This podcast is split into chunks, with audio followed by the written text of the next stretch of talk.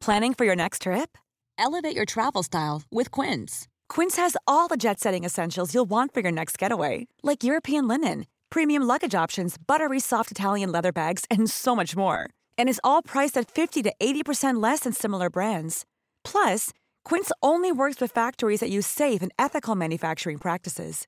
Pack your bags with high-quality essentials you'll be wearing for vacations to come with Quince. Go to quince.com slash pack for free shipping and 365-day returns. Even on a budget, quality is non-negotiable. That's why Quince is the place to score high-end essentials at 50 to 80% less than similar brands. Get your hands on buttery soft cashmere sweaters from just 60 bucks, Italian leather jackets, and so much more. And the best part about Quince, they exclusively partner with factories committed to safe, ethical, and responsible manufacturing. Elevate your style without the elevated price tag with Quince. Go to quince.com slash upgrade for free shipping and 365-day returns.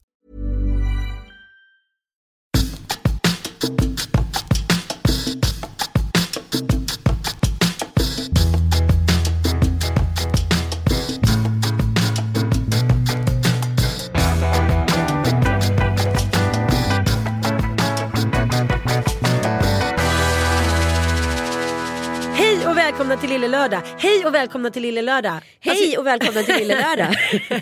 Du vet min favoritfilm Måndag hela veckan Ja. med Bill Murray. När jag vaknar upp varje morgon. Så är det att vara med dig. Jag, är, jag ser det jämt. ja, och det Ja. var ju inte bara för att vi var på Svenska hjältar-galan igår du och jag. Utan det var för att vi satt exakt här för 24 timmar sedan. Ja. Är det någons, kan vi skylla på någon? Är det någons fel? Det är kvinnornas fel. Ja det är kvinnornas fel. nu är det ju så här att bara så ni vet det, kära lyssnare, så är jag och Ann våra egna tekniker. Så utav 80% av de här poddarna går det ju bra. Mm. Sen vi, tycker jag väl vi, vi besitter en viss te- högre teknisk kompetens än väldigt många andra. Mm. Inga namn nämnda. Men igår så hade vi liksom ställt in mickarna lite fel. Så det Mm. blev liksom lite slaskigt ljud. Och vi som är ljudnördar vill ju inte att ni kära lyssnare ska lida utav våra misstag. Nej men hur hemskt är det? Jag har ju spelat in flera tv-serier där det är så här. Ja men vi sparar in på ljudkillen. Och sen så bara får man sitta efter arbetet och bara. Kan du komma in och dubba? Så bara, åh, åh, åh. Det är så här rysk liksom 80-talsfilm. Man bara, är det där jag? Min mun är inte med mig. Jag kommer ihåg när man var liten och tittade på tv. Man sa vad konstigt att han pratar fast det, han är tyst. nu har munnen slutat gå men han pratar ändå. Och jag vet att jag tränade på det där framför spegeln hemma. För jag trodde ju liksom att man kunde göra så på riktigt. Innan jag förstod senare i livet att det var en Förra veckan. tekniker som hade fallerat. Förra veckan. Förra veckan när, när någon sa det till dig. Det var väldigt fin igår Ann. Tack älskling. Silvia-klänning och allt. Ja, du var också väldigt fin. Äsch. Då vill jag säga till dig att den där klänningen kostade 160 kronor från Myrorna.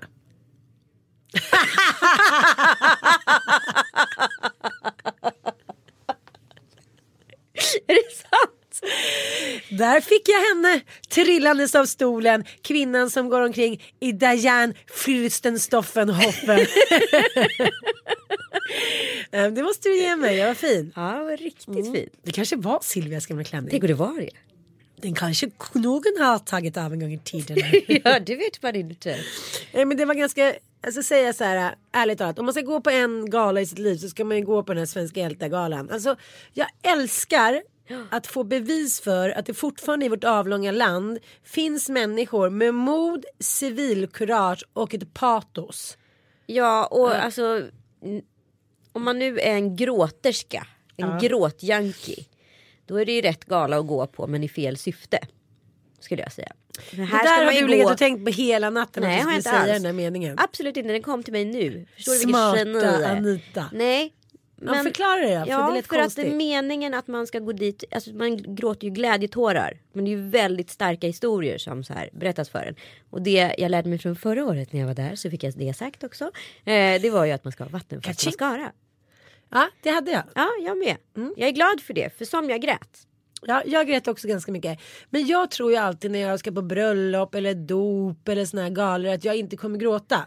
För när de säger åt mig att jag kommer gråta då blir jag som ett trotsigt mopsigt barn. Ja, men jag med. Bara Ja, så här, här ska jag sitta och hålla Varför ihop. skulle jag gråta? Det här är väl liksom Det här är ju bara tv. Vad tror de att de ska sätta igång mina tårkanaler? You have to work harder than that. Men Det kommer kännas så, mer hemma i tv-sofforna tänker jag alltid. Ja, men sen så satt ju Lisa Knapp Jonsson framför mig. Ja. Nej, men hon grät så mycket så att alla fick liksom samla in servetter till henne. Men jag grät så mycket och bestämde genast för att jag ska skaffa ett till barn om någonting händer Åh, Bobban. herregud. Nej men nu kanske vi inte ska avslöja någonting. Eller får man det? Vadå, är du gravid eller? Om galan den går ju inte först på fredag. Nej, exakt. Ja. Men det var i alla fall en väldigt sorglig grej om ett barn som höll på att dö. Så Mm. kan man väl säga. Jaha, jag kände mer att jag så direkt eh, kommer mejla min kommun nu och kolla liksom. Hej små söta flyktingbarn, jag kommer gärna hjälpa till. Mm. Jag har redan av mig till Migrationsverket och de har sagt att jag ska kontakta kommunen så det är nästa steg. Hej små söta flyktingbarn. Förlåt då. Ja, Indien, kastsystemet. det pratade vi om i gårdagens Nej men varför ska man hela tiden vara obsessed av att skaffa egna barn när det finns så många andra barn att hjälpa? Nej, det är verkligen Jag sant. blir helt galen. Jag blir galen på liksom obsessiv IVF ibland också för att så här, det är inte så jävla kul att vara gravid och det finns massa andra barn som behöver kärlek där ute. Fan. Jo, jag fattar. grejen men det är klart jag sitter här och privilegierad som har fått två barn. Men någonstans kan jag bara också känna att det finns en om du vill göra ett plagiat eller förlängning av dig själv, om det är det som är viktigare än att få ett barn. Vad, alltså, varför vill du gå hem och skaffa ett barn Ann? Nej, men jag har inte sagt att jag ska göra det. Men jag säger så att jag tror inte att jag skulle bli godkänd av adoptionsmyndigheten. Varför då? Nej, men vadå? Det är så här 633 tester. Så bara, har du bott i USA och eh, haft sex utan kondom? Ja, alltså det måste ju vara jätteingående frågor och jag har säkert fallerat på varenda en. Och då tror de att de ska liksom hitta så här, Jesus Kristus och Moder Maria liksom, varje gång vid en adoption så är det ju, vore det ju brutalt svårt att få ett enda barn. men, ja, jag kanske skulle bli godkänd, jag tror det. Ja, Jaha. det går på massa så här, det är väldigt mycket psykologitester jag har förstått. Att man så här ska ha liksom hjärtat på rätt ställe och det är väl bra. För när mina föräldrar adopterade på det glada 70-talet då kunde ju vem som helst få adoptera. Då ju, testade de ju barnen. De var alltså hemma och testade mig. Va? Massa gånger. SOS och kommunen och tanter kom och kollade om jag kunde knäppa händerna och kunde vad heter, knäppa knappar och kunde klippa en cirkel och jag skrev med vänster hand. Nej minsann, du ska skriva med höger hand. Jaha, så blev jag högerhänt. Ja men så där höll det på liksom. Vi har ju faktiskt konstaterat en grej du och jag. Vadå? Apropå vänster och högerhänt. Ja. Att vi har samma hjärna. ja, jag vet. Hur sjukt? Ja, det är sjukt. Ja. Du är alltså jag och jag är du. Ja, Ja. det är därför vi funkar. Det är därför vi är varandras hjärnor. Men jag tycker det är så himla härligt med, med liksom forskning kring hjärnan. Den är ju bara i sin linda. Men det finns ju så mycket att liksom ta reda på. Dels om liksom kvinnlig och manlighet. Och Jag tycker det är så himla intressant det där att kvinnor tänker mycket mer och använder mycket mer sin vänstra sida av hjärnan och män högra. Och då är ju då eh, forskat kring det att eh, när män liksom de klarar inte av att ta in mer. Till exempel om du kommer hem till Kalle och säger så här, jag är superledsen för att inte du pratar med mig på Svenska hjältegalan ikväll. Jag skulle vilja prata om det för att ja, men jag mår dåligt om det. Då kan ju du älta det in till förbannelse så Ja. du tycker att du har fått ett bra svar. Men Kalle, eftersom han liksom har så, använder sin vänstra del så lite där liksom känslor och Kanske inte just Kalle då. Nej okej, kanske inte just Mattis heller. men du förstår, de är så här, ah, men älskling. Visst, men, lugnt. byggare Bob pratar vi. Ja men till exempel om Ja. du säger så här. "Ja, Men jag vet inte, jag är inte så nöjd med mitt jobb liksom. Men jag känner kanske att jag, att jag vet inte hur jag ska göra. Då vill man ju ha så här. Okej nu sätter vi oss och gör en mindmap. Du är min liksom mentor. Vi hjälps åt. Vi så här bollar. Men, men då är oftast män då enligt forskning. eh, Säger typ så här. Ja men okej jag ska jag fatta. Det är skitjobbigt. Men byt jobb då. Ja. Och sen är det klart. Ja, de är logiska Ja, och är därför- rationella. ja, det är därför män inte bråkar på samma sätt. Utan så här, ja men de kanske kör en rallarsving eller drar en bärs eller säger något till varandra och sen är det över. Ja men Kalle kan aldrig utläsa sånt som flyger under radarn. Nej. Vet, som vi kvinnor kan göra på en tjejmiddag. Under radarn. Under Gud, det är radarn. vårt radioprogram. Under radarn. Efter Karlavagnen kom Under, radarn. Med Anita där vi sitter på en tjejmiddag och är elaka mot varandra. Nej men det kan ju vara, nej, men det kan ju vara så här. Jag har aldrig färgat håret i hela mitt liv. Har du färgat håret? Men gud jag har liksom aldrig gjort det. Jag vet ingenting om det här. Vad betyder det? Jo men det är så här att du egentligen är lite så här. Det kan vara en, en så här blåögdhet och man kanske egentligen bara pratar om sig själv. Men det det signalerar ut det är att säga gud jag är lite bättre än dig. Eller jaha men du som är så himla bra på att pyssla. Det är ju så otroligt intressant tycker jag. Kan inte du berätta lite för mig hur det funkar? Det är också säga, säga så här, du är lite mindre än mig. Tjejer har ju väldigt bra sätt att så här, agera runt saker och ting. Vi tar ju upp det nu i våra lilla Keso-program här som kommer, ni kan kolla på på Facebook. Arla Keso. Om ni går in där så kommer ni se massa roliga exempel på när Ann är en vidrig väninna eller släkting till mig på julafton. Kräfta. Mm. Men också den här eh, släktingen som kommer på besök. Som markerar hur ett rum ser ut eller hur eh, saker och ting verkar och vad som är lite, ah den här skinkan den är bra men min är mycket bättre. Ja men gud vad litet och, mys litet och mysigt du har. Kanske kan vara hemma hos mig nästa år istället. Men, Så är ju kvinnor. ja men så är ju kvinnor och män som är missnöjda. Jag tänkte att jag har ju varit lite missnöjd de senaste månaderna av olika Ja anledningar. men män skulle aldrig göra det så subtilt. Nej jag fattar, nej det skulle de inte. Det här är det liksom, sägs det ju ändå onda saker med ett leende. Ja, jag fattar vad du menar. Ja. Men jag tycker ändå människor som mår bra, lever i liksom någorlunda sköna relationer, trivs med sitt liv och sig själva. De klagar inte. Nej, Så är det bara. absolut. Ja. Och då skulle någon kille säga så här. "Ja, vad beror det på då? Har du inte fått kuk på flera månader eller? Nej det är inte så enkelt. Nej. Nej. Sen har ju vi konstaterat några gånger att de män vi lever med kanske hamnar lite under radarn. Jag tänkte på en sak. Jag ville prata med, med eh, min man igår men han var så otroligt stressad. Det var mycket nu med lampan inför jul och liksom nej han hade inte tid att prata med mig. Jag bara nej. Kungen, kan det inte vara heta lampkungen? Ja men det är jag, jag ska gifta mig med lampkungen. Jag tycker det är så stort. Cirkuslampkungen. Cirkuskungen snarare. Tager du cirkuslampkungen till din äkta make? Men tänker inte du lite på kling och i en klang? manege och står där och du kommer upp på en vit springare stående på ryggen. Springande runt honom. Och, någon stackars präst springer efter med bibeln. Med bibeln.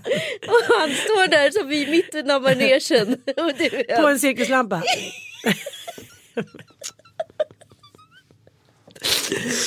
Och sen så hoppar ni upp i trapetsen båda två så är ni lyckliga hela dagen.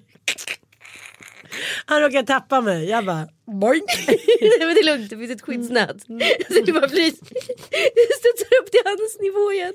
Och så pussas ni i luften när han hänger i ringarna i knävecken. Okej jag ska sluta. Jag tänker bara på så här att jag tycker det känns lite gammalt och old school. Lite Pippi Långstrump och Kling och Klang och cirkus och tivoli. Så känns det när jag säger att jag ska gifta mig med lampkungen. Är du säker på att jag ska vara din bröllopskoordinator? Ja det är. Vi ska ha ett cirkustält. Ja. Det är så det får bli. Ja men han, ja, hur som helst. Jag tycker, vill, han var hemma då från lampfabriken igår och skulle sitta och jobba hemma för han var lite sjuk Ja. efter Årehelgen. Han hade lite ont i halsen. Men alltså män och deras sjukdomar, förlåt. Skulle du vara hemma för att du hade lite ont i halsen Ann? Nej, men det är också det här när han pratar om sitt halsont så är det så här alltid något. Det är det värsta som finns, ha ont i halsen eller ont i huvudet. Jag bara, men du har ju alltid ont i halsen. Jaha, ja. mm. ja men då satt han där och det var så mycket och det ringde och han mejlade och det var orders hit och dit. Och så ser jag plötsligt så bara överhör jag lite när jag håller på med någonting i sovrummet eller står och sminkar mig lite. Då sitter han och pratar med sin bästis, Umeå Hugo. Ja, som har fått en lampa i 40-årspresent som har- han har pillat sönder. Då sitter de typ i tre kvart och försöker så här, gå igenom hur han ska laga den här lampan. Och så pratar lite känslor hit och dit. Jag tänker så här, jag har ju verkligen liksom gift mig med en bromance-kille. Ja. Och det märkte jag också liksom när vi var i Åre helgen att när han pratade med sina kompisar så sitter jag och tjejerna lite så här, okej, men nu har jag pratat klart om det där känslogrejen eller hit och dit. Så det är verkligen ombytta roller. Nej, Mm, spännande. spännande. Men det finns tydligen någonting som kan konstatera det här. Har jag förstått.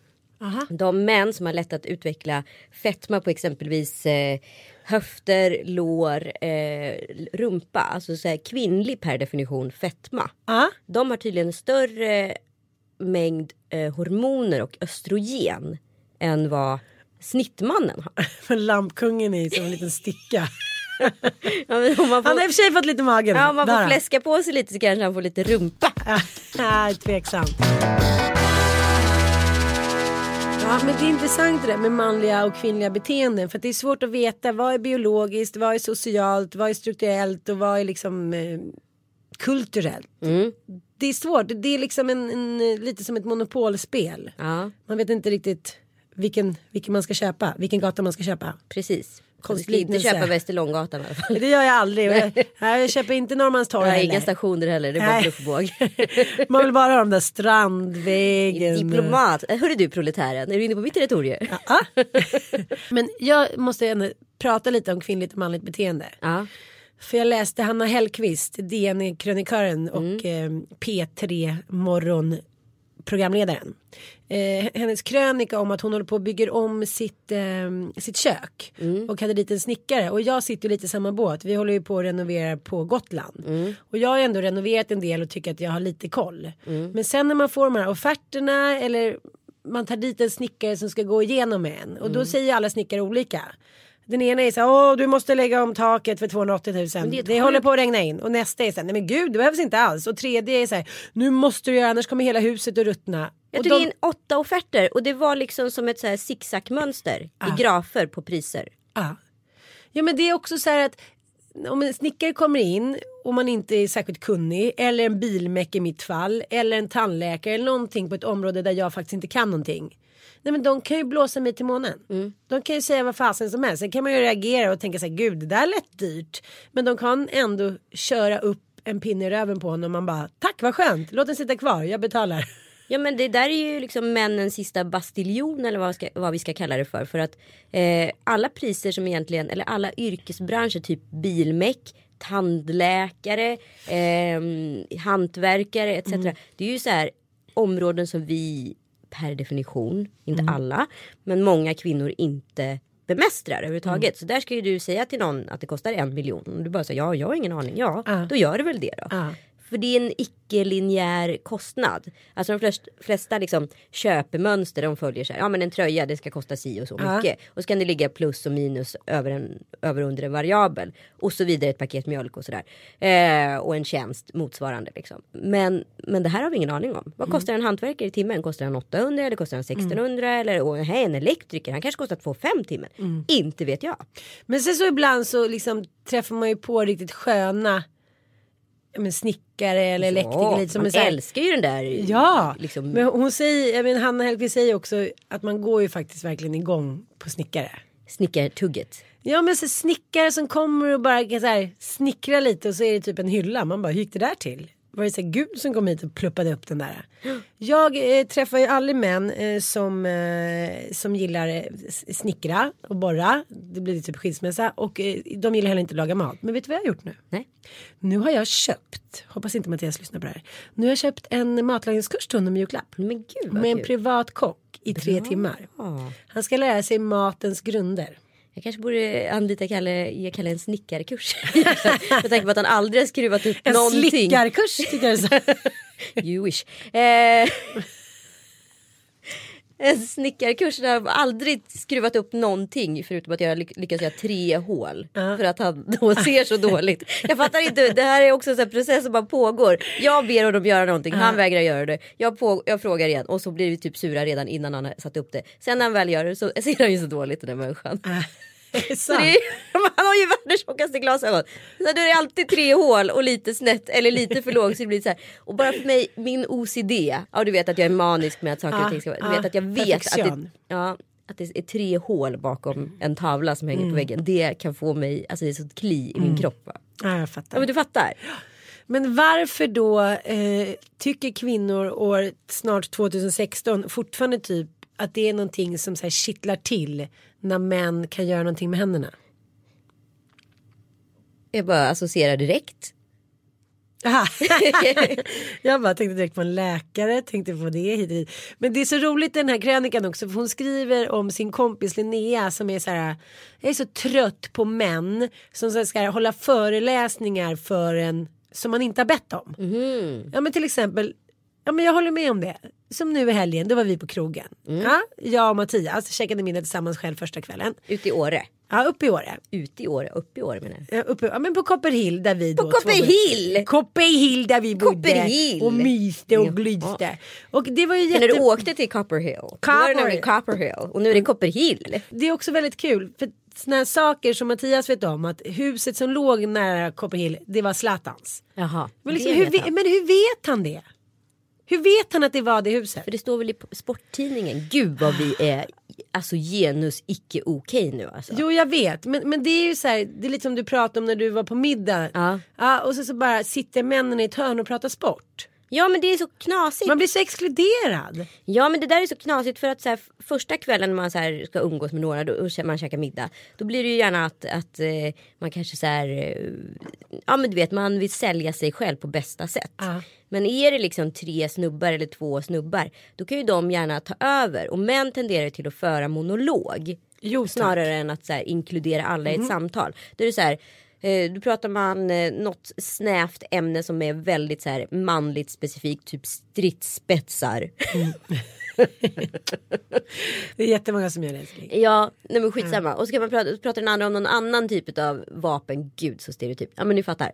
Och det, det finns ingenting för mig att tillföra i det här samtalsämnet. Nej det är monologer som du inte har bett om och blivit föreläst om. Och det är Ja. ju män experter på. Ja, men det är ju också tycker jag ett väldigt vanligt liksom, eh, beteende när man bara till exempel vill ta en bit mat och snacka med sin snubbe som man inte har varit själv med på flera år.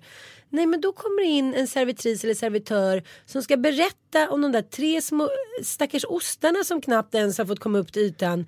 Om var de kommer ifrån, om typ så här Tantaloran eh, Estrid som har stuntat dessa ostar i eh, äppelskär på andra sidan månen. Alltså, du vet, jag vill bara ha mitt glas vin och mina ostar, inte liksom inte här- föreläsningar. Nej och inte så att den kommer från Argentina och du har tempererat och då har typ kungen av Jordanien ätit det eller druckit det.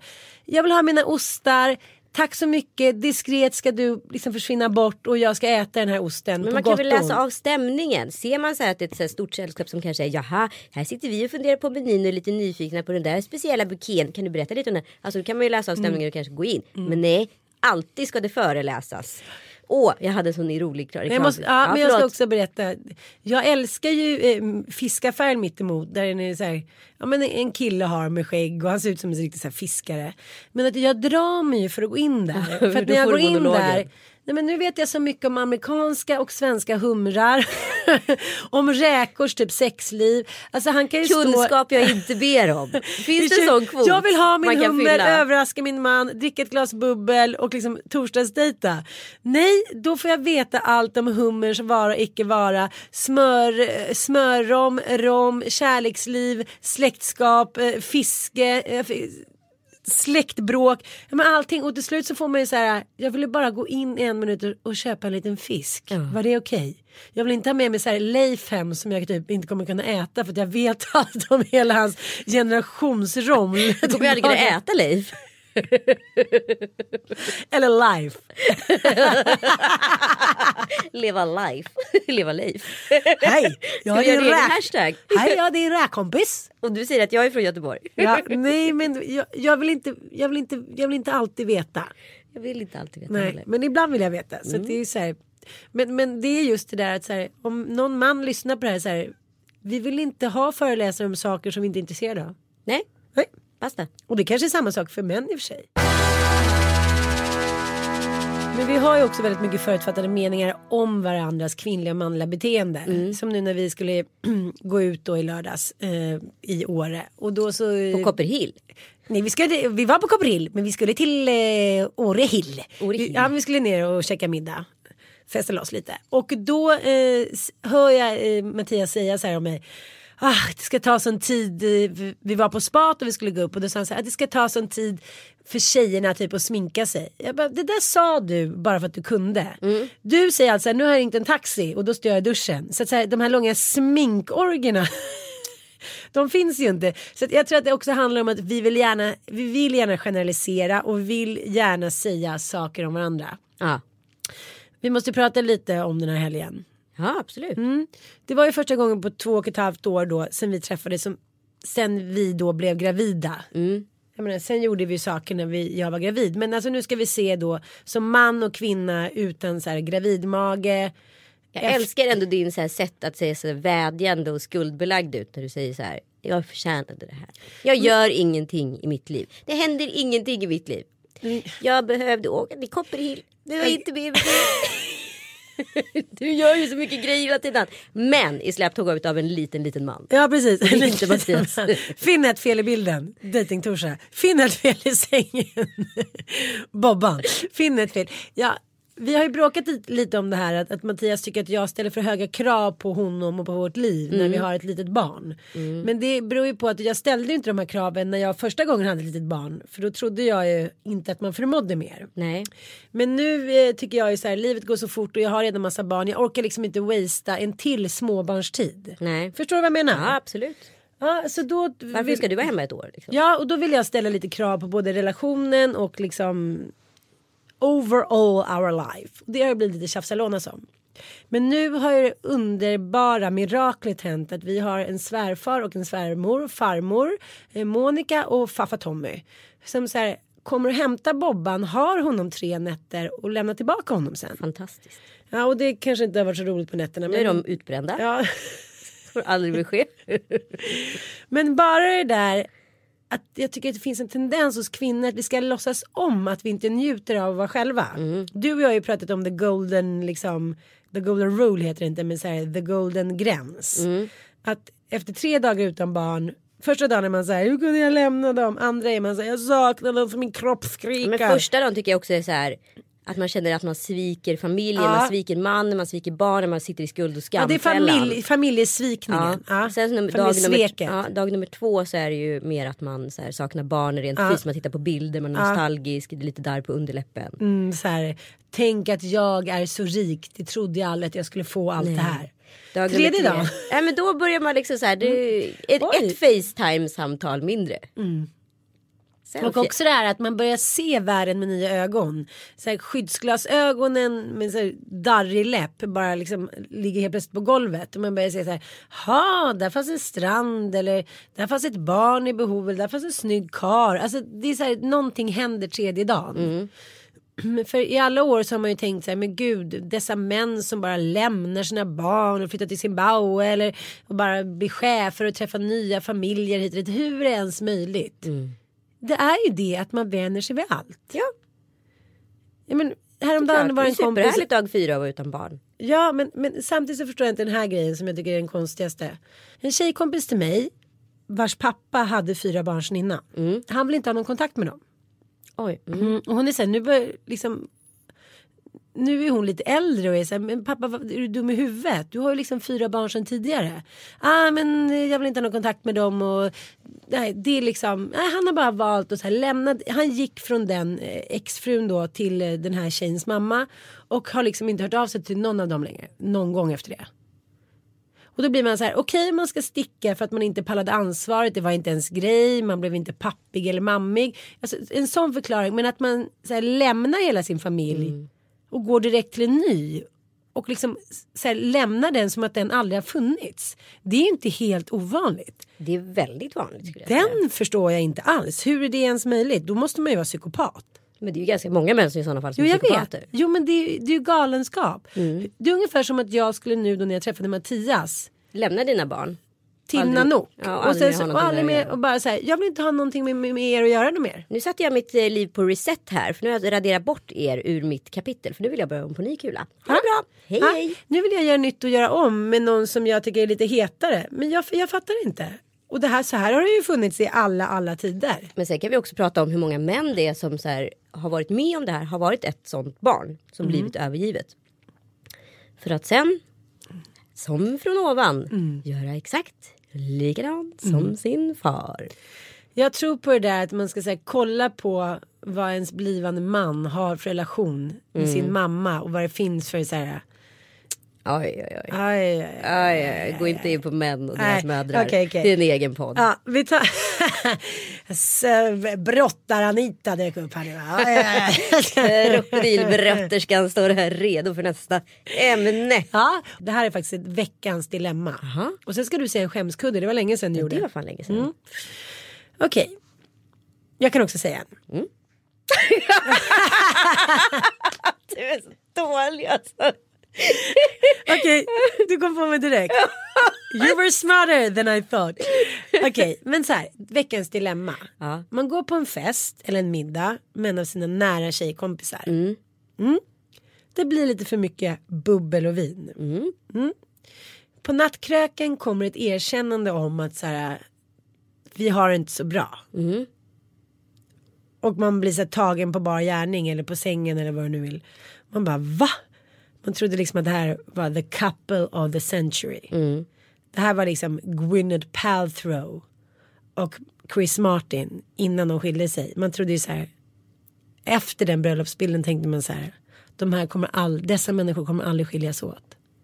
Jag älskar den bröllopsbilden. Ja, vi har pratat om det tio gånger tidigare. Jo men varför är vi så besatta av den här bröllopsbilden? För att det liksom, den är så ren på något sätt. Den är så äkta. Bra älskling. Det försöker jag säga till Mattis också när han typ vill ställa in bröllopet för att han tror att det kommer bli galenskap med gäster och pengar och planering. Jag säger så här. Vi hyr ett, vi hyr ett marockanskt cirkustält. Vi så här, grillar några får. Vi tar dit våra bästa kompisar. Vi har ett litet liveband och vi börjar så här älska varandra och tar en härlig bild på gräsmattan. Hallå? Nej okej, så kanske inte gör. Alltså, nu pratar du med bröllopsanalo. Jo men jag vet, men alltså grejen att han tror så här. Att det här bröllopet Men kommer vet, vad, du, vet, vad, vet vad du gör ett grundläggande fel med Mattis här Ann? Hela tiden. Du säljer in saker för litet. Under tiden han dramatiserar för stort. Det handlar ju någonstans om att göra det på mitten. Du ska säga så här, ja det kommer bli skitjobbigt men det kommer bli jävligt kul. Det är ju typ så du ska säga. Så att han är med på resan. Men då blir han så stressad att vi ska renovera huset och även planera bröllop. Men jag känner så här.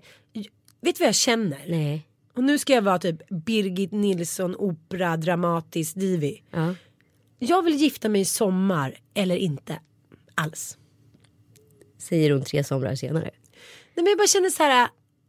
Jag vill inte gifta mig när kärleken är lite fesljummen och stå där i någon klänning och så här.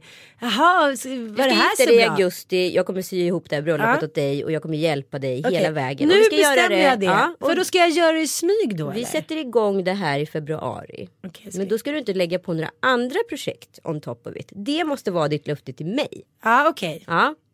Så du ska inte liksom börja bygga ut nu. För som jag ser dig gör många gånger. Ja. Det är att du börjar med något litet. Och sen så lägger du ett lager till. Och så lägger du ett lager till. Och så lägger du ett lager till. Och det är det jag tror som stressar Mattis. Jag fattar. Du bygger ut. Okej men då bestämmer vi det. Att den 2 augusti gifter vi oss. Ja. Mm, och då, har, då får han bara vara med på det. Ja. Ja. Vad Jag vi? viger min sommar till dig.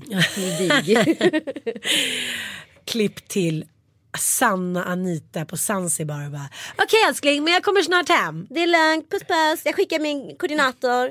Du märker hur jag tror att det här är en sketch och tar upp telefonen på riktigt. Ja, eller hur?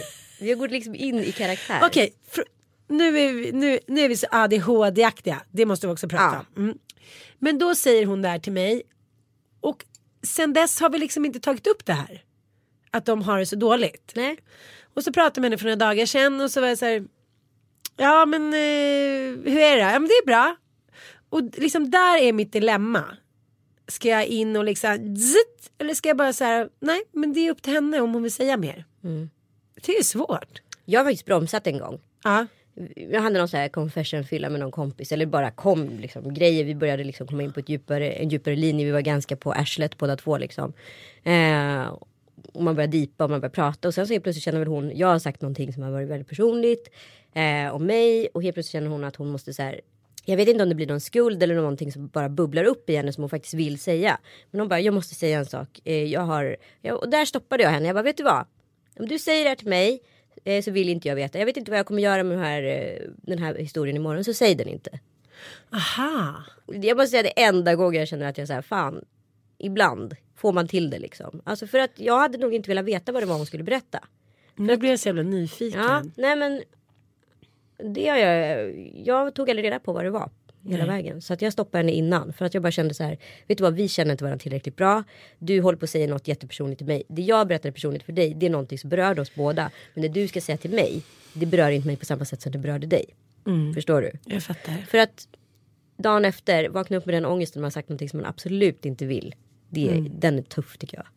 Absolut, men, men den är ju svår för att jag är själv expert på så här, berätta både det ena och det andra. Ja. Och det behöver inte vara så stora grejer. Det är som i helgen, vi så här, 20 personer går ut, vi käkar middag, det är några man känner bättre, några man inte känner så väl. Helt plötsligt klickar man med någon som man bara känner så här, jag älskar flow. den här kvinnan, man får sånt flow, jag kan inte leva utan henne. Man plane- planerar semestrar, man säger typ allt hit och dit. Och sen dagen efter så vaknar man upp lite som att man har varit på kollo. Men det var bara liksom en dröm. Och då blir det ju lite så här, lite ångestladdat.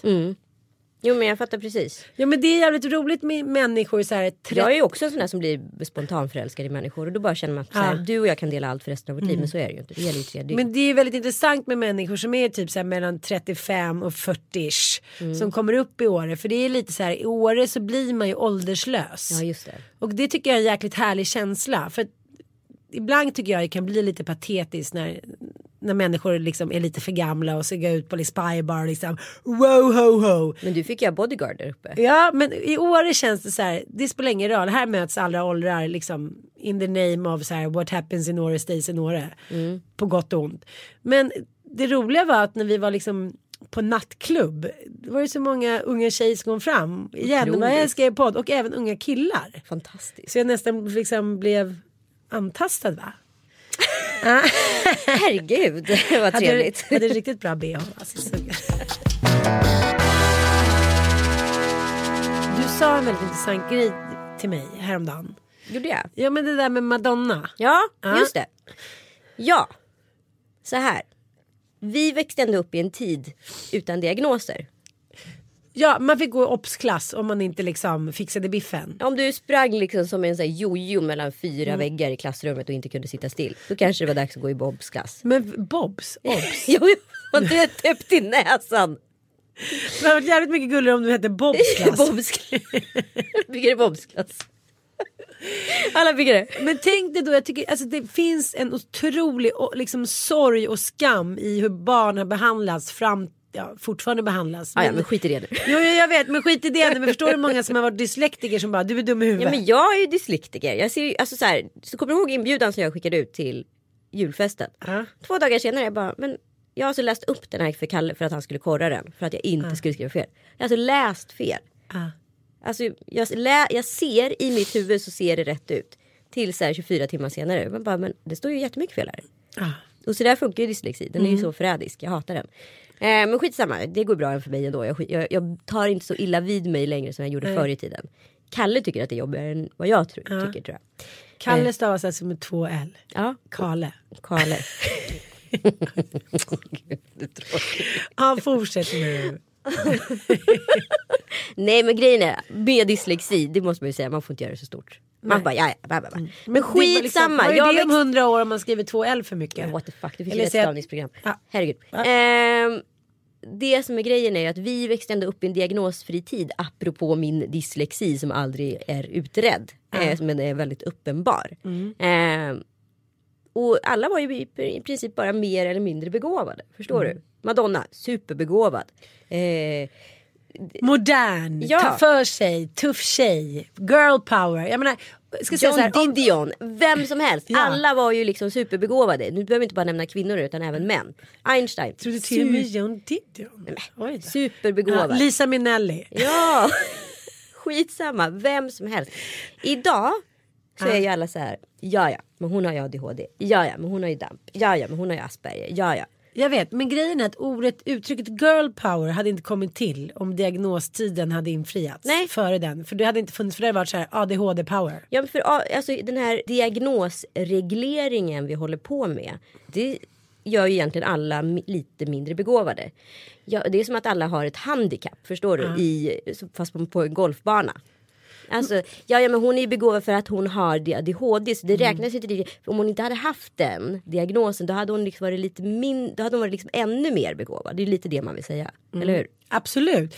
Men jag har också insett att det är väldigt viktigt att man själv får säga att man har diagnosen. Inte att någon annan påstår det. För då är det Nej. sårande. Ja men det är ju också en reglering om, jag säger, om vi sitter och chitchattar tjejsnack.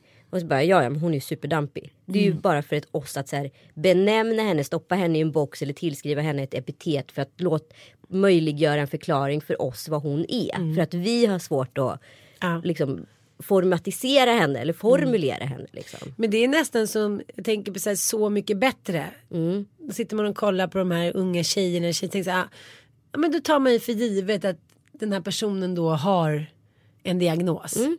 Bara för att så här, man klarar inte av så där mycket, man kan inte vara så där begåvad. Då måste det finnas någon så här magisk touch. Ah, ADHD, Mm. Asperger, manisk, bla bla bla. Och det är så här, jag tycker att man slarvar lite med de där uttrycken. Jag är ju själv så här, men hon är helt manisk. Ja men jag hör mig som själva det- ja, dampar men hur en gång i veckan. liksom, Liksom. En av mina bästa kompisar träffade hennes chef. Ja, men, ja, hur många bokstavskombinationer har inte hon då? Så mycket som hon orkar. Ja men precis. Ja, det, Det är ändå lite töntigt. Ja. Det är svintråkigt för allting blir ju lite mindre liksom, okej eller roligt. ja, jag vet. Diagnossamhället tar ju udden av allt. Ja, det bestämmer vi. Vi slutar diagnosa. Exakt. Du har inte dyslexi. Nej, jag är bara lite slarvig. Slarvig! Slarvig apropå det. En sak till innan vi kör skämskuddar. Ja. Vi måste prata om en sak. Vänner som förhåller sig neutrala i så kallade tack. konflikter. Klassiker från 80-talet. Mm. Om vi nu ska prata manligt kvinnligt här så det här är ju kanske det sämsta kvinnor gör mot varandra. Absolutely. Jag har varit med om det själv. Att jag och en god vän har haft en konflikt. Eh, om ekonomi. Men alltid denna ekonomi och pengar. Ja, Vi kanske kommer börja bråka om det någon gång. ja. Jag hoppas vi bara att man kan lyssna på den här podden och bara så här okej. Det här har skett. Människor var faktiskt helt normala innan den här konflikten uppstår och ingenting får mätas bara utifrån den här konflikten. För det som sker är när människor går in och är neutrala och när det är mycket känslor on stake så att säga. Då väljer då människor att vara neutrala genom att inte ta ställning påstår de. Men istället, Fegaste sättet. ja, men istället tar de supermycket ställning. Ja. Men som ex- exempelvis nu är det en kompis som har hamnat i en ekonomisk konflikt med en annan kompis. Och då är det så här. Ja, vi vill ju inte ta ställning i det här så vi väljer att inte komma på din fest eller vi väljer att inte komma på din middag. Men då tar man ju superställning. Då är det superställning. Jag har blivit anklagad lite för det att jag är lite flat. Mm. För att jag inte tar ställning. Och för att jag kanske går in och ut lite i konstellationer. För att jag just inte vill hamna i det där ansvaret att man ska så här, stå på någons sida. Just det. Jag har varit sådär sen jag typ var liten. Att jag, så här, jag vill inte vara med och gegga in. För att så här, du tycker att du har rätt när du bråkar med någon. Och den andra tycker att Mm. den har rätt. Och då är det så här, jag älskar er båda två. Och jag kommer komma på båda era fester. Jag Och kommer inte ta exakt så ska det vara. Ja, varför är det så svårt att vara så? Ja, jag hör er båda. Vad som sker nu det är en konflikt som är isolerad er och den här situationen. Jag tycker väldigt mycket om er eh, på varsitt sätt och, var, och så kommer jag fortsätta göra. De vännerna som faktiskt så här, gjorde så i våran konflikt, min och min gamla kompis. Det var ju de som här, man fortfarande har kvar som vän. De som bara så här inte hörde av sig på två år och sen helt plötsligt började hälsa igen när konflikten så kallat var löst. De ger man ju ett fett finger åt idag. Men det tycker jag är väldigt fascinerande. För det är ofta så att de som ansågs kanske vara lite töntiga eller inte fick vara med i den coola liksom the cool gang på, på högstadiet förslagsvis. Eh, som liksom tar revansch och då helt plötsligt är superpoppis när det till exempel är klassåterträff eller på, ja men om man är på Instagram eller någonting. Sånt är så himla fult tycker jag. Jag undrar hur man kan leva med sig själv om man sen helt plötsligt kommer fram då efter två år och säger Tja! Och låtsas som att det regnar. Jag skulle aldrig bli vän med en sån igen. Nej men och det töntigaste var jag och min kompis vi försonades och sågs vi ute på restaurang och så helt plötsligt började de här gamla människorna från förr så här, trilla in på den här middagen. Och då sitter de fortfarande och har liksom attityd mot mig som att så här, våran konflikt inte var löst eller jag skulle veta var de stod någonstans på min kompis sida. Så de var så här Ah, skulle inte vara super, de var trevliga och artiga men inte mer än så. Och det var ju så här gamla kompisar till mig som vi hade varit lika bra kompisar tidigare. Men nu var de bara på min kompis sida. Sådana där grejer. Så töntigt, så töntigt, så töntigt. Men ungefär som att det ena måste utesluta det andra. Om två träter då ska man själv vara in och så här tycka till eller stå på den sidan. Jag måste Ner säga med så här, fingrarna i alla syltburkar och Men jag runt. tycker att det är den fulaste, fulaste egenskapen man kan ha. Att så här ställa sig på någon annans sida och frysa ut den andra lite. Men sen ibland är det jättemärkliga saker som en god vän till mig, hennes bästa kompis, pratar inte med henne längre. Varför då? Nej, för att hon eh, skämtade någonting om någon ekonomisk grej igen. Eh, att de kanske, ja, typ har inte din snubbe råd att köpa den väskan till dig? Och så här, det borde väl han ha köpt. Och, och sen dess har inte de pratat. Och de träffas på gymmet och i skolan varje dag och hon hälsar inte. Då, så här, då måste det ju finnas något annat underliggande Ja. bakom.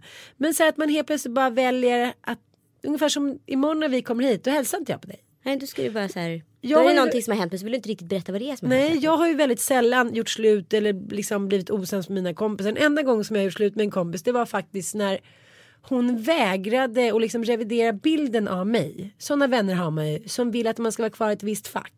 För att de ska få liksom, dels de osäkra på hur de ska bete sig när man kanske ställer sig jämsides.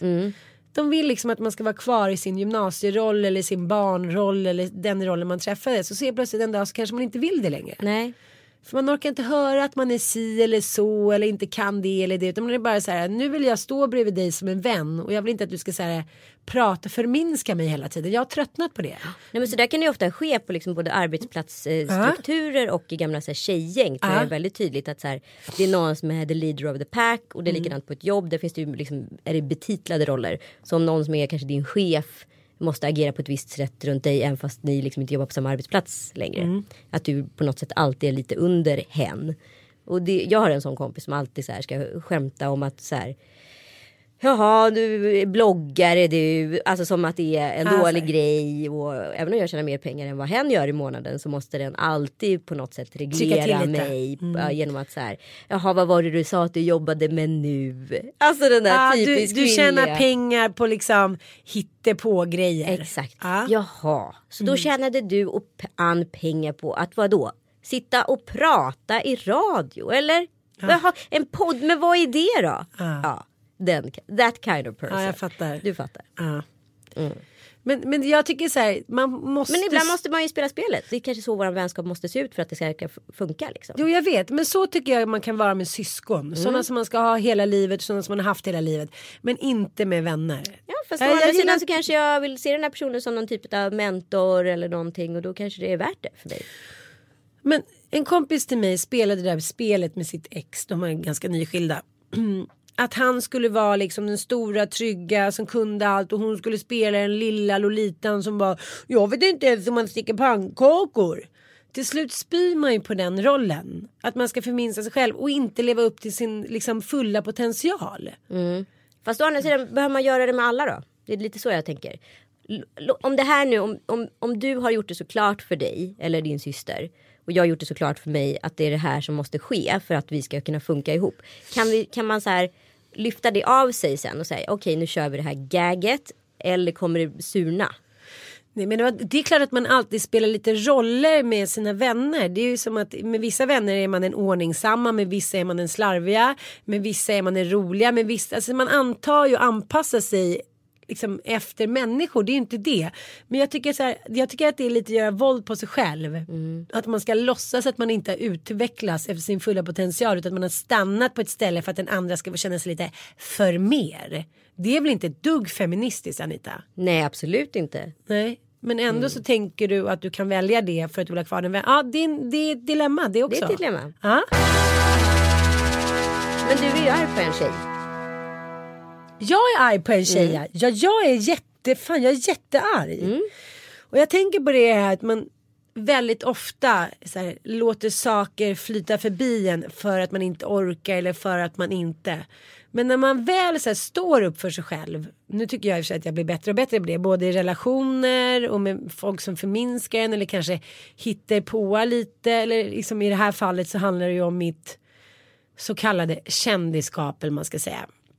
Nej men det som händer är att jag blir intervjuad uh, av en kvinna, i, en reporter på när premiären av Motown, Afrodite på Berns. Men du kan ju tänka det är så mycket folk och så stimmigt och hon ska fråga mig lite om julen. Ja.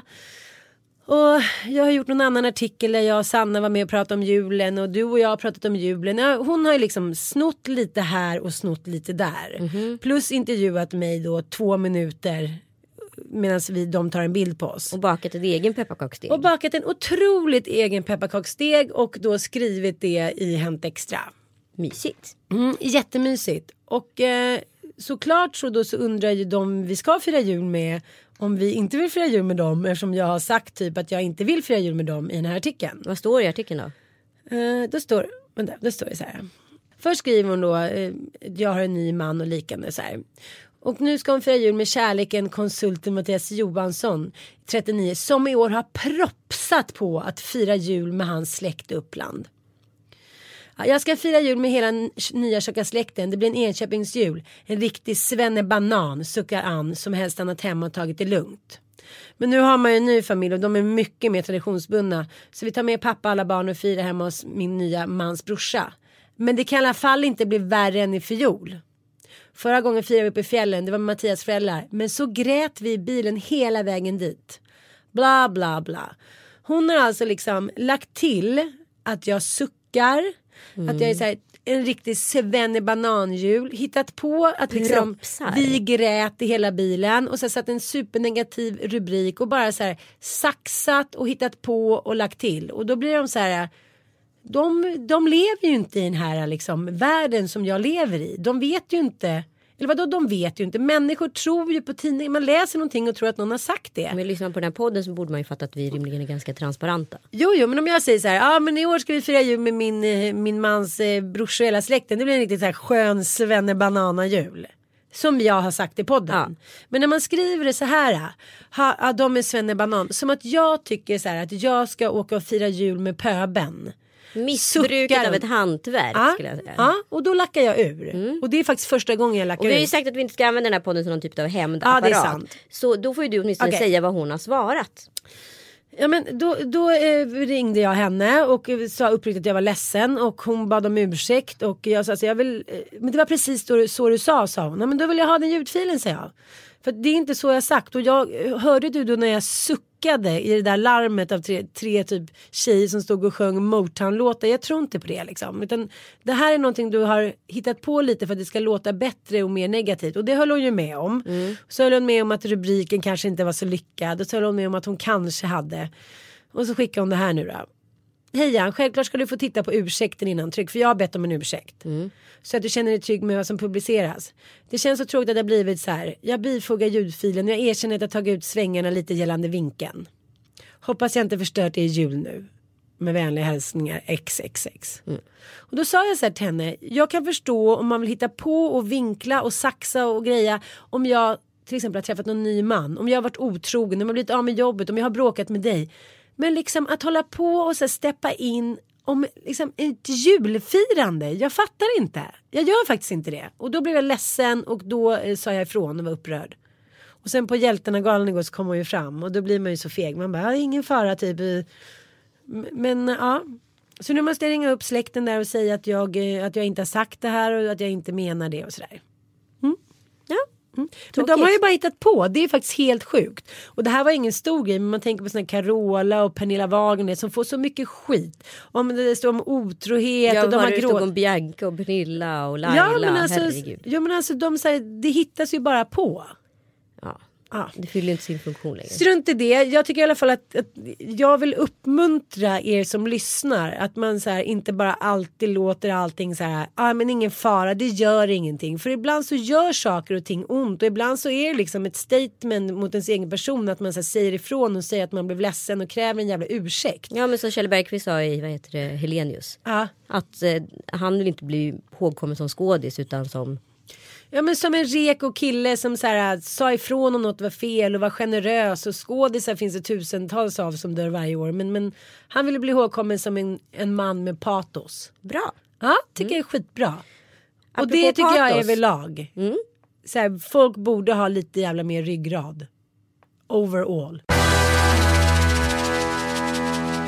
Men apropå tjejbråk och ekonomi Och jul. och jul så har vi ju två roliga samarbeten vi måste prata om. Ja. Mm. Det ena är ju det här Keso som vi har pratat om där du var den vidriga kompisen. Men det handlar inte bara om det, det handlar om julen i balans. Så jag tycker verkligen att alla ska gå in och kolla på de här filmerna på Mm. riktigt. För det är några roliga exempel som jag tror ni känner igen er i. Och sen har vi ett annat De finns alltså på Facebook. Ja, på Arla Keso Ja. på Facebook. Då kan ni se när jag, eh, när jag sitter på Anita och hon gör armhävningar med mig på ryggen. Det var Hon är, jättemysigt. du är skitduktig. Stark. Ja, fortsätta. Eh, sen har vi ett annat samarbete som jag tycker på riktigt att ni måste så här, ta på allvar. För det här är riktigt bra. Jag testat Och utnyttja. Och utnyttja. Det kan man väl säga. Ja. Och nyttja. Nyttja. Sen kanske vissa tycker så här, man hör summan att det rör sig om sinnessjuka belopp. Men många bäckar små säger jag. 3000 kronor, om man handlar för det på NK, då går man ner till Mastercards monter som är precis vid ljusgården, du vet där stora huvudentrén är. När man går upp för den här lilla trappen upp mot sminkavdelningen så har Mastercard en monter där. Då går man och säger så här, hej hej jag handlar för 3000 kronor, visar upp sitt kvitto och sitt Mastercard-kort.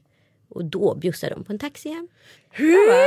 Jag älskar att åka taxi just vid såna här tillfällen när man kommer och har 19 kassar och ungar och så blir man på dåligt humör. Då tycker jag faktiskt man kan unna sig en taxi. Ja, och när någon bjuder på den, hej, då undrar jag inte ens, vet du, en win-win. Hej hej! Win-win. Tack för tipset. Ja. Det viktiga är att det är de som handlar med Mastercard-kortet som kan åka taxi.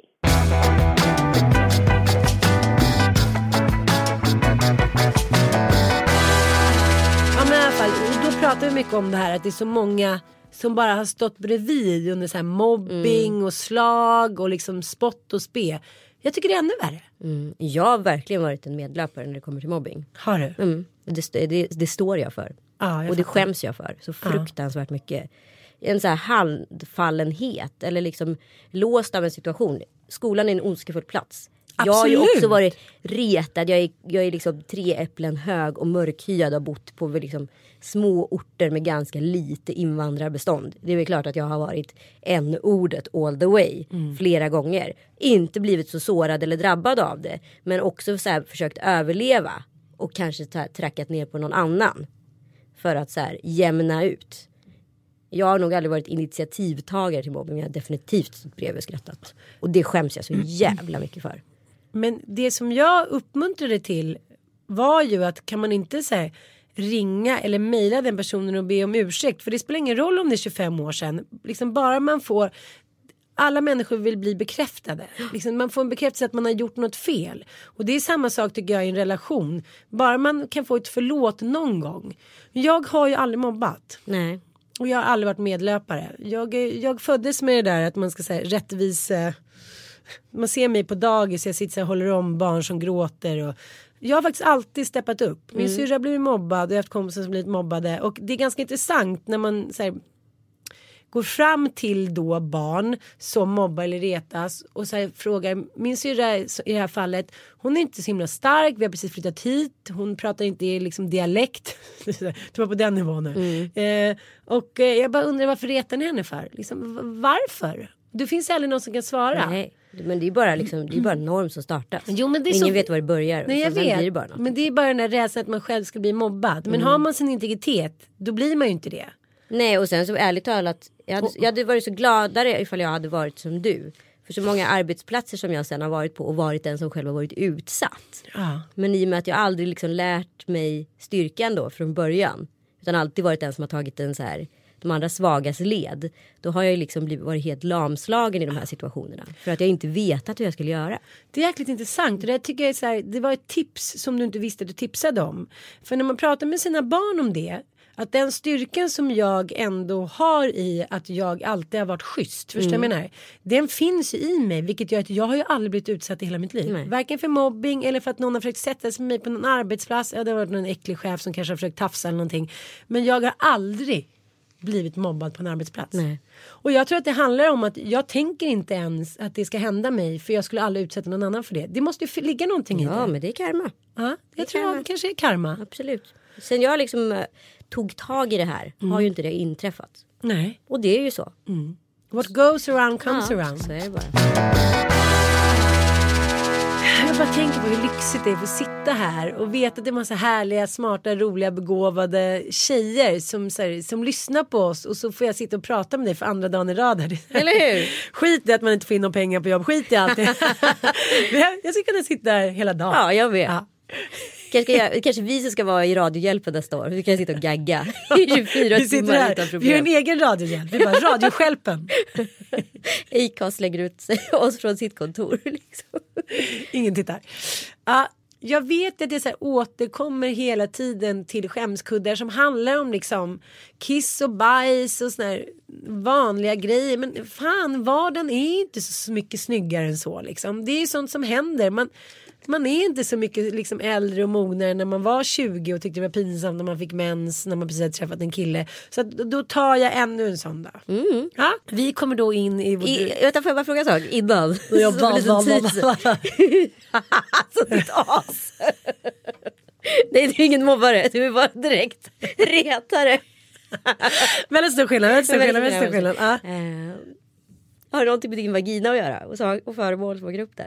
Nej det är inte. Nej okej bra, jag ville bara veta. Har med min, den andra vaginan, stjärtamentsvaginan. Pojkfittan. ja, nej, ja, nej, nej men gud. Alltså dina axlar. Det var som att du så här, var en skådespelare. Du bara Margareta Krook är ju... ja men okej. Dels fick jag ju mens samma dag som vi skulle åka upp till Copper, Copper Hill. Copperhill. Så kom vi in i vårt fina lilla minisvit där på Copper Hill. Och vi kom ju direkt från den här lunchen. Och jag har ju fått spela att jag är fräsch. Mm. För att nu ska vi ner och äta en romantisk middag. Och jag är så här. Alltså jag var ju så på snusen när jag kom hem och Ja, klockan var sju och så jag bara- jag lägga två barn. För jävligt alltså. Jag bara en Coca-Cola tack. Mattias bara ska vi inte dricka lite vin till köttbiten? Jag bara nej tack det är bra. Då kommer vi in och eh, ja, jag är dålig i magen helt enkelt på ett ordentligt sätt. Och så här, det kunde ju börjat bättre mens och rännskita. Underbar. Ha, och så är det så här fint, eh, fint, Bouquet. bad, fint badrum med så här glasad dörr. Ah, mysigt. Ja, så när någon andas. Kunde inte bara någon haft gjort en glastoalett samtidigt som du får sett liksom innehållet. och så kan man öppna genom två dörrar så allt är väldigt så här artefarty. Ja, och då ska jag ju sitta där.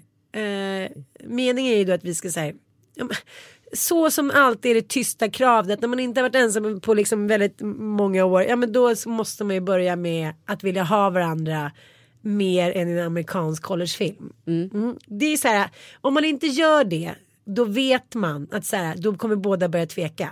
Så här, är det verkligen vi? Har vi förlorat det? Bla, bla, bla. Exakt. Det här är ett otroligt krav på en. Semestrar, herregud.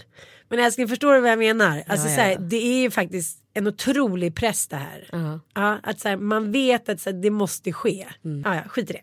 Och då sitter jag där och eh, hur håller man inne? Alltså, en vanlig prutament kan man ju så här hålla inne lite så här. Dick. Ja, man, kan, man kan stjälpa ut den i små, små, små, små Ja, lass. men rännskita, vad gör man med den? Den Nej, är bara bara- sätta sig ner och så här, är ju- tack för kaffet prosten. Atombomben. Hela så här, toaletten imploderar. Och jag hör honom typ andas där ute och så här kliddra lite med telefonen. Till slut skriker jag bara så här. Men för i helvete kan du sätta på liksom lite hissmusik eller någon sån här rockkonsert i bakgrunden. så desperat. Han bara. Jag håller ju på. Jag försöker. Men kan vi prata om, så här, förlåt mig, en helt annan grej. Kan vi prata om designen på badrum generellt? Det finns ju väldigt många toaletter som har väldigt mörkt ljus. Hej, det är en man som har varit arkitekt. Finns det några toaletter som har en glasvägg, typ som den som du Ja, har? ja. Vem så här, tror liksom att man bara ska gå runt där och vara sexig modell och så duscha Det sensuellt? öppna badrummet. Exakt, det öppna Det badrummet. helt öppna badrummet, fan, när det är bara är så här- Tjottahejti bestyren kommer aldrig vara vackra liksom. Men vet, jag tänkte det, det är faktiskt väldigt intressant. För att så här, det är samma sak. Jag var med i en podd och då pratade vi om så här, hur arkitekter bygger hus. De bygger inte hus för sexuell samvaro. Nej. Det är så här, I Sverige är det så här avskalat, öppet, ljust. Och så var det någon som skrev i den här boken som handlar om så här, arkitektur och sex. Skitbra. Eh, att så vem har sett snygg ut mot en vit vägg? Ja, det pratade vi om förut. Och det är lite samma sak här. Vem vill gå omkring i ett öppet badrum när man är på weekendresa? Men det är bara för det att det är också så här. Om jag fiser, ja men då försöker jag göra lite smyg. Eller jag smyger inte lika mycket längre. Men, men det är ändå så här, jag kanske inte bara så här släpper loss. Nej. Men när Mattias ligger på sängen i Copper Hills säng. Då ligger han ju som att han liksom ligger och snackar med, med sina fisar. Ja, men, Den lilla, lilla Ah. munnen där bak. Ja men det är bara så här, släpper loss hela tiden, bara sluta. Han bara, du kan få ligga på min sida om du ska rädda telefonen. Jag bara, nej tack, du ligger kvar där och sen byter vi täcke, vi byter typ lakan och allting. Jag vill inte ligga i din fjärtarmé. Men då är det i alla fall så här, det måste ju vara en man som har designat det. För jag vill inte så här, varken bajsa eller duscha. Jag vill inte liksom ha någonting med honom att göra när jag är på toa. Nej. Här hade de också designat med två duschar bredvid varandra. Att man skulle stå och så här duscha. Ja men efter sex då, då vill man ju bara gå in och duscha av sig. Nu skulle jag stå där typ med hans The halvfjonge och bara... squish squish squish walk. Nej men nu måste vi avrunda den här podden Ann. Vi har babblat nu snart en timme och tio minuter. Åh, gud, men din skämskudde, du fick... Nej, det här var min skämskudde då. Det, vi, vi sparar min skämskudde till nästa vecka. Men då skulle jag bara vilja uppmana män också att så här, när ni hamnar på ett sånt här hotell. Så, så här, kan ni inte bara säga feel us in. Ja. Så här, sätt på lite musik, går ut därifrån, gå inte direkt in på toan efteråt. Det är 2016 snart, men jag tycker fortfarande att det är jobbigt. Vi ses snart. Puss och kram, god jul. Puss puss. Puss puss.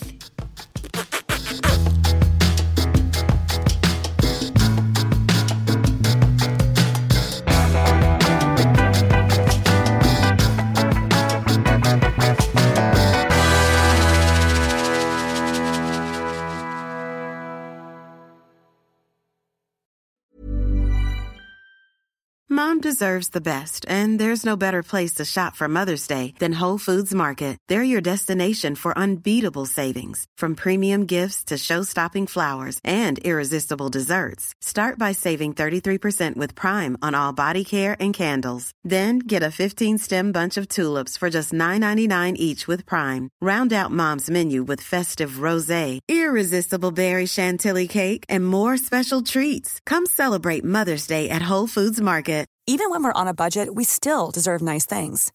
Quince is a place to scoop up stunning high-end goods for 50 to 80% less than similar brands. They have buttery soft cashmere sweaters starting at $50, luxurious Italian leather bags, and so much more. Plus, Quince only works with factories that use safe, ethical, and responsible manufacturing. Get the high-end goods you'll love without the high price tag with Quince. Go to quince.com slash style for free shipping and 365 day returns.